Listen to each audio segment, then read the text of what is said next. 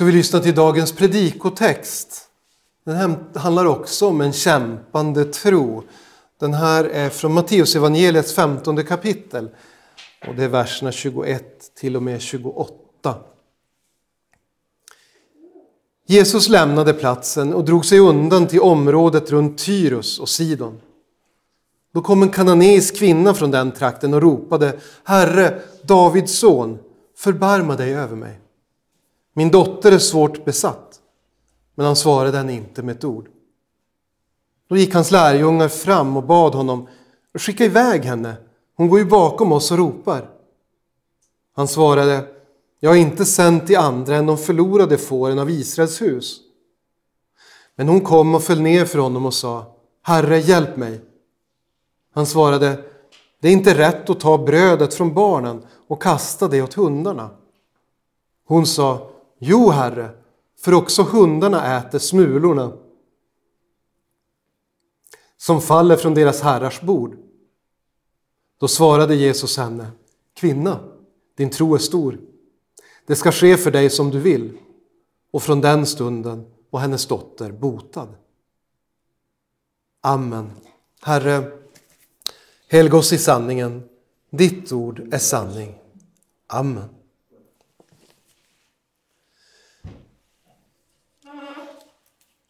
När jag var liten, sådär fem, sex år och äldre, då hade vi eh, ett par i församlingen som var väldigt drivande med barnundervisning och barnkör.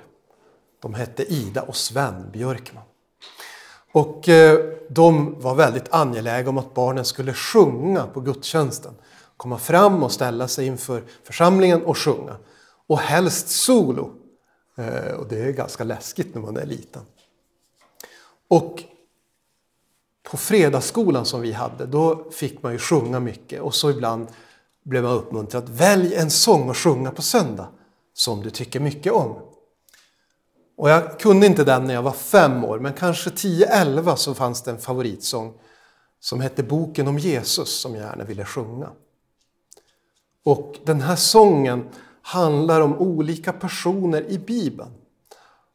Men att alla berättelser i Bibeln på ett eller annat sätt handlar om Jesus. Bibeln är boken om Jesus. Och en av verserna börjar så här. Eh, vi möter en mängd olika människor i Bibeln och vi har mycket att lära av dem alla.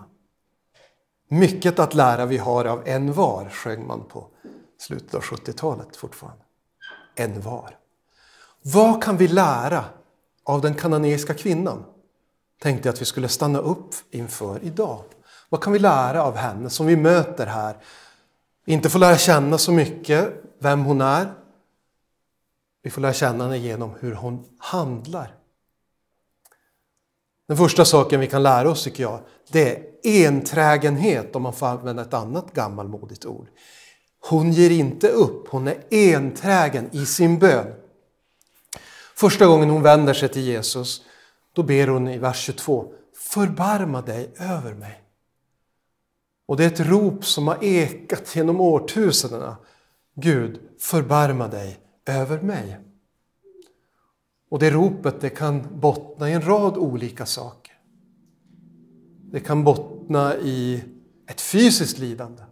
Som det var i det här fallet, hennes dotter var svårt besatt, står det. Det kan vara ett känslomässigt lidande, som det också var i det här fallet. För hur förtvivlad blir man inte när ens barn är sjukt? Den kan handla om ett yttre hot. När människor ställs inför en övermakt som de tänker, vi har ingen chans mot den här armén. Vi har ingen chans mot den här säkerhetspolisen som letar efter kristna och går från dörr till dörr och bankar. Jag har ingen chans mot det här yttre trycket att ge efter och överge min frälsare. Eller, jag har ingen chans mot min egen synd. Hur stark jag än försöker vara i min övertygelse så faller jag. Herre, förbarma dig över mig. Men i de här verserna så händer någonting som vi väldigt sällan ser i Bibeln. Och det är att någon ropar till Herren i tro och möts av tystnad. Jesus svarar inte på hennes rop.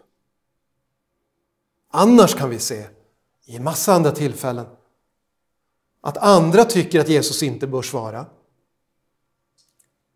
Och så lyssnar han. Andra tycker att den där personen ska du inte befatta dig med. Och så tar han dem i sin famn. Men här möts den kananeiska kvinnan bara av tystnad. Jesus fortsätter gå. Och Det här blir lite pinsamt så lärjungarna funderar hur ska vi göra här? Eh, Jesus, säg till henne att hon ska lämna oss. Sänd bort henne, säger de. Hon går ju bakom oss och ropar, det är störande. Ni kanske har varit med om någon gång om att någon följer efter er och ropar. Eh, ofta kan det vara lite jobbigt och kanske jobbigt för samvetet att gå förbi en tiggare som sitter ner. Men om tiggaren reser sig upp och följer efter och ropar skänk en slant, då är det ännu jobbigare, eller hur? Så lärjungarna tycker, kan vi inte säga åt henne att du inte är intresserad av att hjälpa henne? Skicka iväg henne och säg att hon får gå härifrån. Då svarar Jesus. Då säger han, jag är sänd endast till de förlorade fåren av Israels hus. Vad menas med det? Jag är sänd endast till de judar som är förlorade och behöver kallas tillbaka till omvändelse och tro. Och då kan man tänka, här borde hon ju ge upp. Hon är kanané. Hon tillhör den nu då mer blandade folkgrupp som levde i Israels land innan israeliterna kom dit. Ni kanske kommer ihåg det att Mose under sitt uttåg ur Egypten, han är på väg mot Kanans land. Abraham är också på väg mot Kanans land. De som bor där kallas då kananéer. Jesus är inte till för dig. Det är budskapet till henne. Han är endast till för Israels hus. Och nu borde hon ge upp. Skulle det vara idag så skulle man säga att hon blir kränkt. Hon blir diskriminerad. Hon blir etniskt diskriminerad för att hon inte är jude. Och då borde man väl bli bitter och arg. Men hon gör inte det, utan hon kommer fram till Jesus. Hon kommer fram och faller ner inför honom och så säger hon Herre, hjälp mig. Och som bibelläsare tänker man, ah, nu kan ju inte Jesus säga nej. Vad säger han? Det vore inte rätt att hjälpa dig, säger han. Man kan inte ta av maten som är till för barnen och ge dem till hundarna. Vilken förolämpning! Vi kan nog utgå ifrån att det var väldigt, väldigt ovanligt, kanske inte existerade på Jesu tid, att man hade hundar i famnen och i sängen tillsammans med sig, som vi har i Sverige idag. Hundarna sågs som smutsiga. De bar på sjukdomar, de ät, åt sopor ute på gatorna.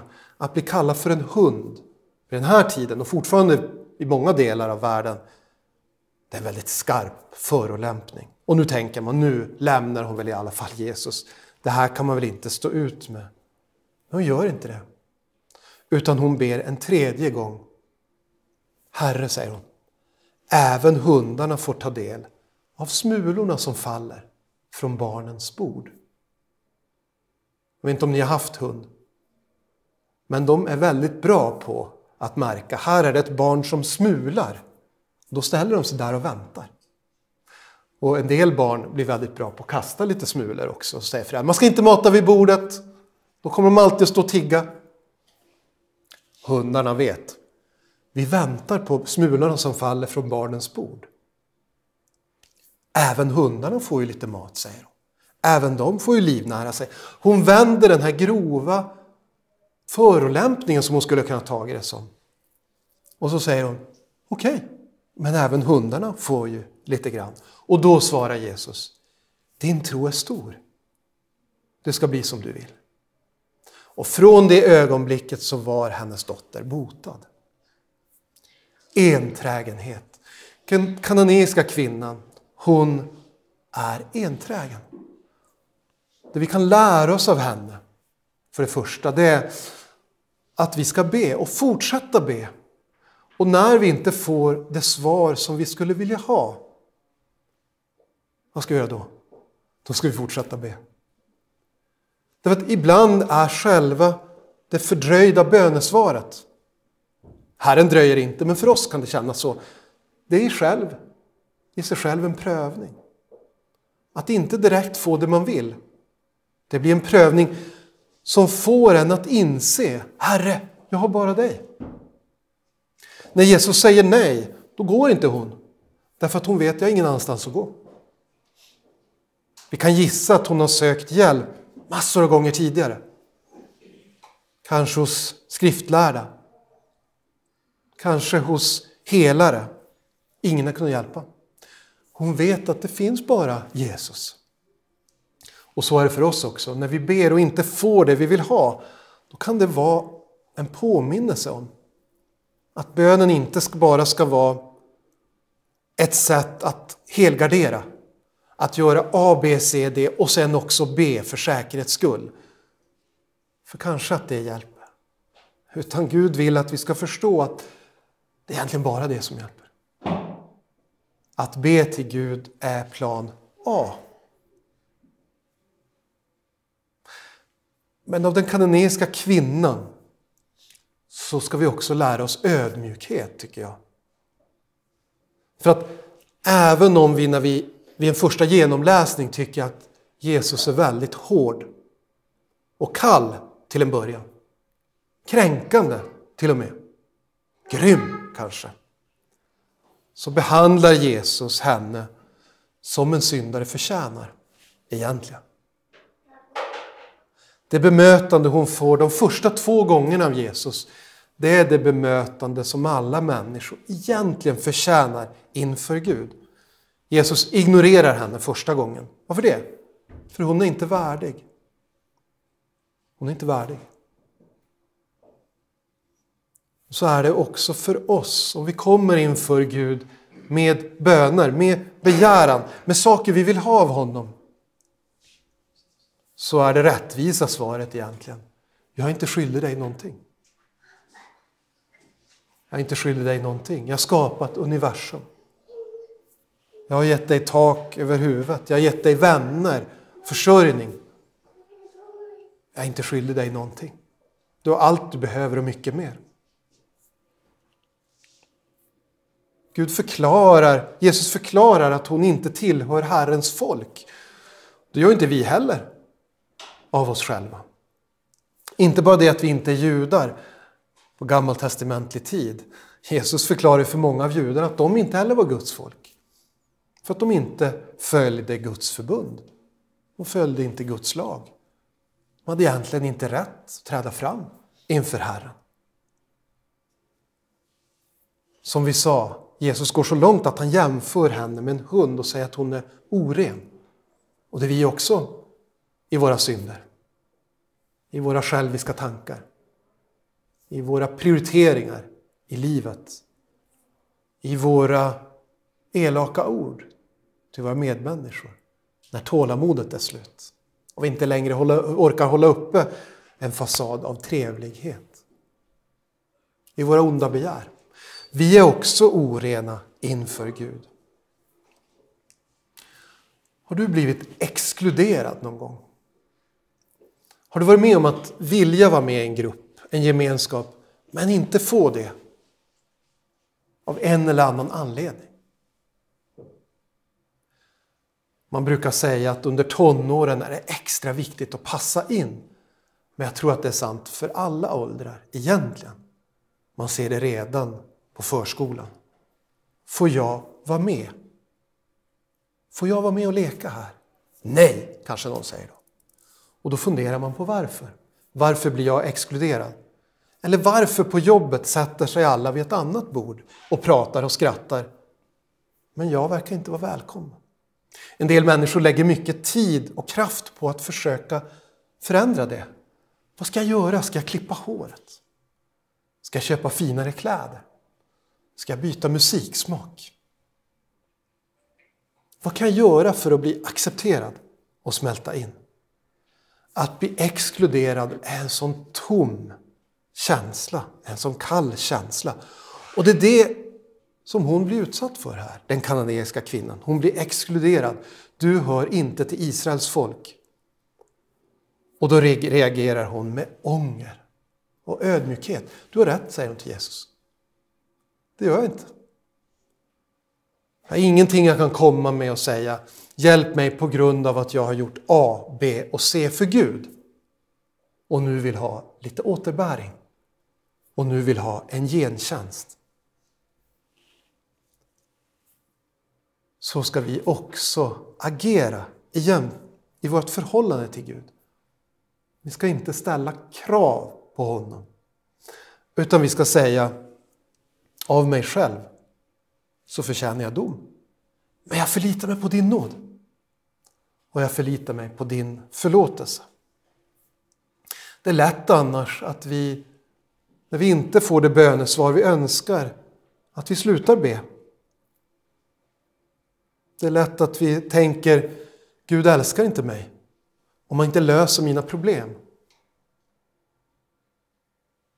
Om man inte gör mitt liv enklare och lättare. Om han inte botar mig. Då älskar han nog inte mig. Men istället så ska vi vända oss till honom med ödmjukhet och säga även hundarna får ta del av smulorna som faller från barnens bord. Det vore mänskligt för henne att klandra, god, att klandra Gud, att klandra Jesus som är sann Gud och säga Gud är inte god. Jag har mött Messias. Han var inte god. Han gav mig inte det jag ville ha. Jag fick vända hem tomhänt. Han vill inte hjälpa mitt barn. Hon gör inte det, utan hon ber igen. Det skulle vara lätt för henne att tänka Gud är inte allsmäktig. Messias var inte så där bra som folk hade sagt. Han klarar inte av att hjälpa mig och min dotter. Och så är det lätt för oss att tänka. Eller hur? Om vi inte får den omedelbara hjälp vi vill ha. Gud kanske inte klarar det. Kanske för svag. Han kanske är för trött. Han kanske är för upptagen. Istället säger hon, du har rätt. Men hjälp mig ändå. Jag är svag, men du är stark. Jag är ovärdig, men du är till för de ovärdiga. Du hjälper de ovärdiga. Och vi vet, det finns inga andra än de ovärdiga. Jesus lär, skulle jag säga, främst lärjungarna och oss en läxa i dagens text. De får se hennes uthållighet i tron. Och vi får se den. Lärjungarna får se att den här kvinnan som har alla anledningar att vända på klacken och förtvivla, inte gör det, utan håller ut. Och det blir en förebild för oss. I vår evangelietext idag så fick vi höra om kvinnan som vi i Johannes evangeliet lär, får lära oss är Maria från Magdala. Som ibland kallas Maria Magdalena. Hur hon smörjer Jesu huvud och får kritik för att det är slösaktigt, onödigt. Och så säger Jesus, i hela världen kommer människor att få höra om det hon gjorde för mig när evangeliet predikas. Så är det också med den kananeiska kvinnan. Det visste inte hon där. I årtusenden har människor fått höra om hennes starka tro. Hon som blev avvisad två gånger av Jesus. I årtusenden har människor fått stanna upp och fundera, vad gjorde henne så stark? Vad gjorde henne så enträgen? Vad gjorde henne så ödmjuk? Herre, gör mig mer som hon var.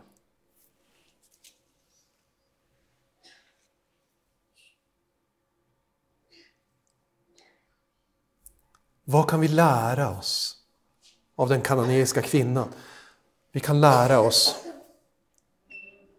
att även om vi bär på syndiga tankar, även om vi har ett bagage av saker som vi önskar att vi kunde få ogjorda eller ändra.